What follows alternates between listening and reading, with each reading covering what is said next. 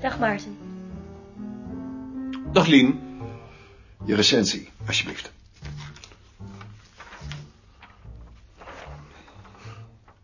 De recensies van Koning worden steeds zuurder. Niemand kan, in zijn ogen nog genade vinden. Wat moeten we dan in godsnaam doen? Wat moet ik schrappen? Nee, je hoeft niets te schrappen. Maar kun je me niet uitleggen waarom je mensen die wat van een buurt willen maken, nu ook al verwerpt? Zullen we een kop koffie gaan drinken?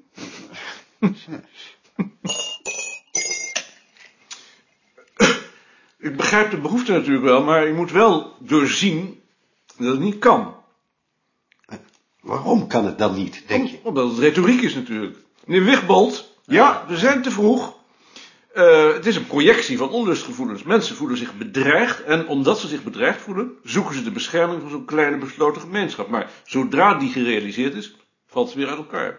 Koffie? Koffie. Eh, Voor mij ook koffie. Ik dacht eigenlijk dat u staakte, meneer Wigbold. kon geen plek vinden van mijn auto. Omdat de tram en de bus staken. Het zal wel.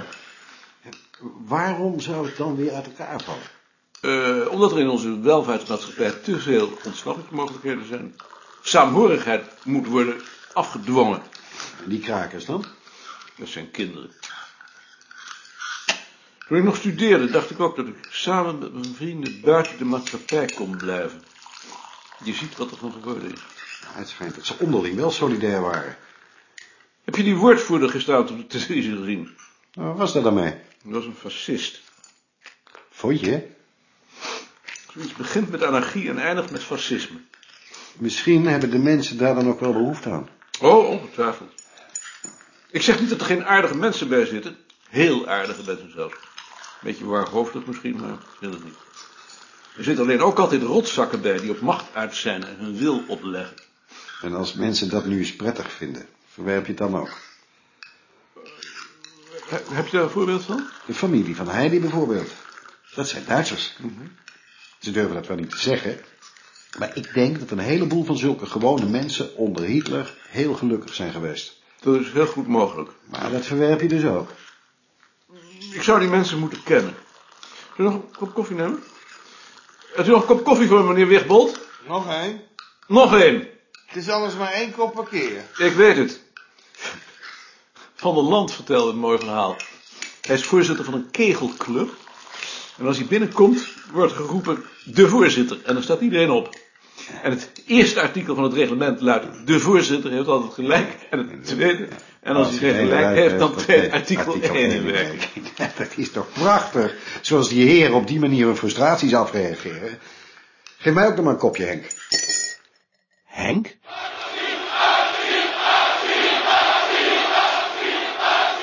Beste vrienden en vriendinnen, het is fantastisch zoals we hier vandaag met zo'n honderdduizend mensen bij elkaar zijn op de Dam.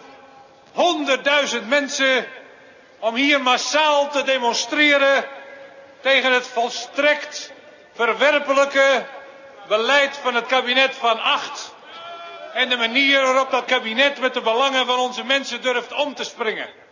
Daarop past maar één antwoord. Een vlammend protest. Toen hij de Vijzelstraat overstak, kwam juist de kop van de stoet stakers de brug over, op weg naar de Dam. Ze liepen achter een spandoek met de mededeling, we pikken het niet, over bijna de hele breedte van de Rijnbaan.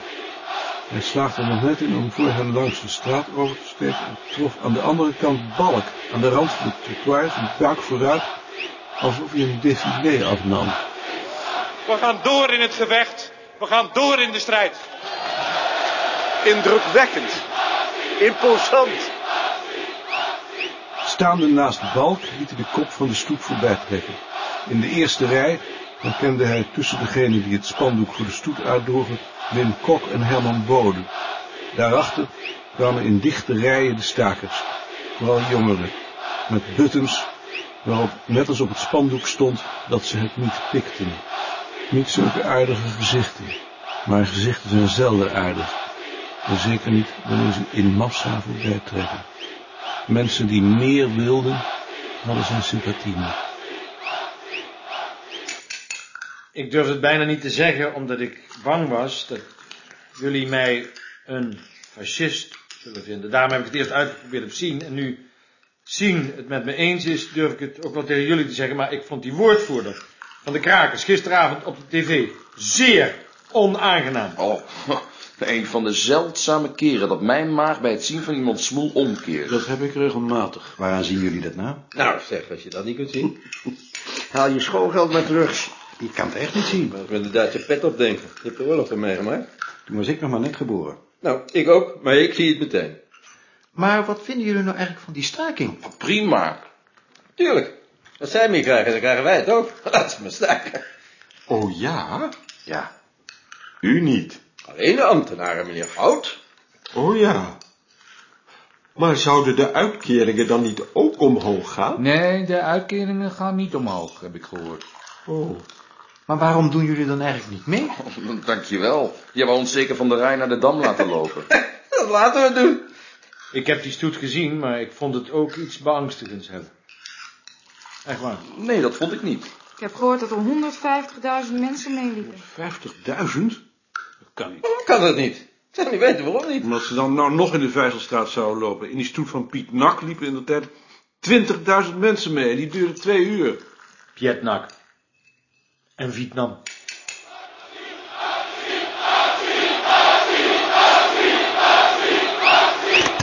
Maar waarom lopen wij nou eigenlijk echt niet mee? Omdat wij ons zouden generen. Nee, je kunt toch niet ontkennen dat de vakbeweging veel bereikt heeft? Dat ontken ik niet. Maar de grens is al lang bereikt. Iedereen die nou nog meer wil hebben, deugt niet. En denk je niet dat een arbeider zal vinden dat jij makkelijk praten hebt? Er zullen er wel zijn die dat vinden. Maar in de eerste plaats geef ik niet meer uit dan de gemiddelde arbeider, behalve dan dat ik een krankzinnig hoge huur heb. En in de tweede plaats vind ik dat ons salaris naar beneden zou moeten, naar het niveau van de bijstand. Ik weet alleen niet hoe ik dat voor elkaar moet krijgen. Je zou ontslag kunnen nemen. En dan van je bijstand andere mensen gratis helpen. Nee, dat is niks. Dat lijkt mij niet zo gek. Bovendien vind ik het ook weer niet zo onredelijk, zoals het nou is. In ruil voor mijn salaris, dat te hoog is, word ik acht uur per dag opgesloten. Dat is een moderne strafmethode voor mensen zoals wij, die op de maatschappij parasiteren. Maar dan mag je je werk ook niet leuk vinden. Nou, dat vind ik ook niet. Als ik werk leuk vind, neem ik het mee naar huis. En mensen die van hun hobby leven, irriteren me. Dat hoort niet. Dan moet je beneden nog maar eens zeggen. Dat zal ik doen. Wat ga je doen? Ik ga naar de Muppet Show kijken. Naar de Muppet Show? Iemand heeft tegen me gezegd dat dat het leukste is wat hij ooit gezien heeft en ik wil dat controleren. Ja, dat was van der Land. Was dat van een land? Je gaat toch niet naar de Muppet Show kijken omdat Van der Land dat zegt? Waarom niet? Ik wil eens weten wat hij leuk vindt. Dat moet trouwens ook wel iets voor jou. Dieren? Zijn toch geen dieren? Het zijn mensen. Ja, het zijn mensen. Wat is dat voor verschrikkelijke meid? Dat is ehm Raquel Welsh. Dat is een gast. Wat een verschrikkelijke meid. Ik begrijp niet hoe je naar zoiets kunt kijken. Kom je? En? Er is niets aan. Zie je wel.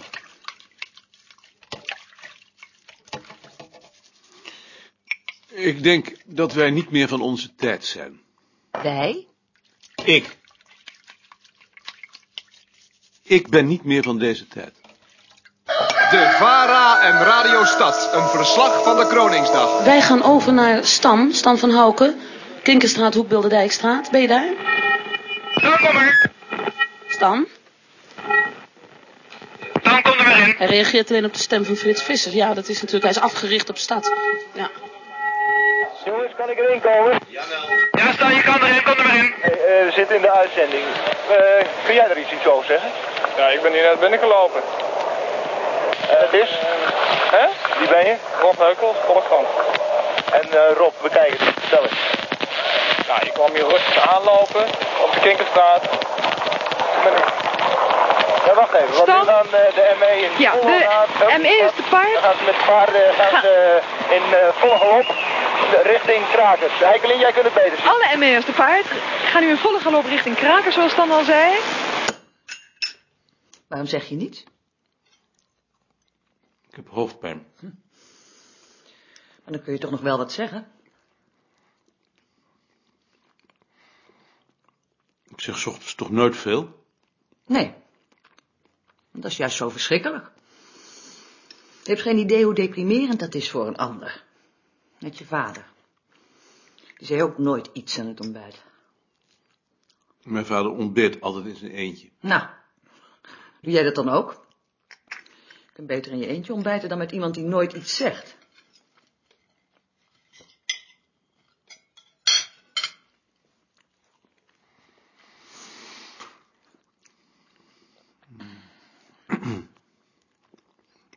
Heb jij vandaag nog iets?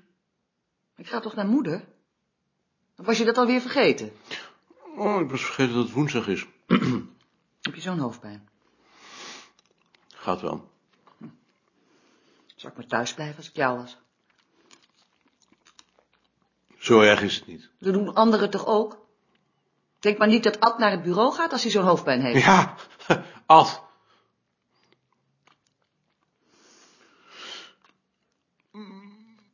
Moet ik nog boodschappen doen? Nee. Vandaag niet.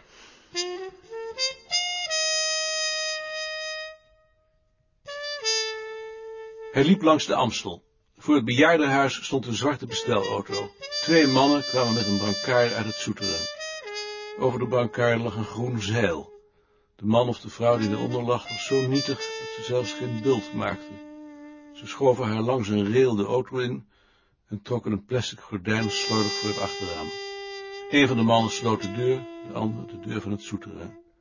Op zijn weg naar de brug passeerde de auto hem. Hij bedacht dat Nicolien of hij straks ook zo zouden worden weggereden en zijn hart kromp bij de gedachte dat het Nicolien zou zijn. Niets kon hij doen om haar daartegen te beschermen. Wie zou dan ook weten dat ze op oud Eik en begraven moest worden? En als er een leven na de dood was, hoe zou hij haar dan vinden? Of zou er na de dood geen ruimte meer zijn? Die mogelijkheid was troostend.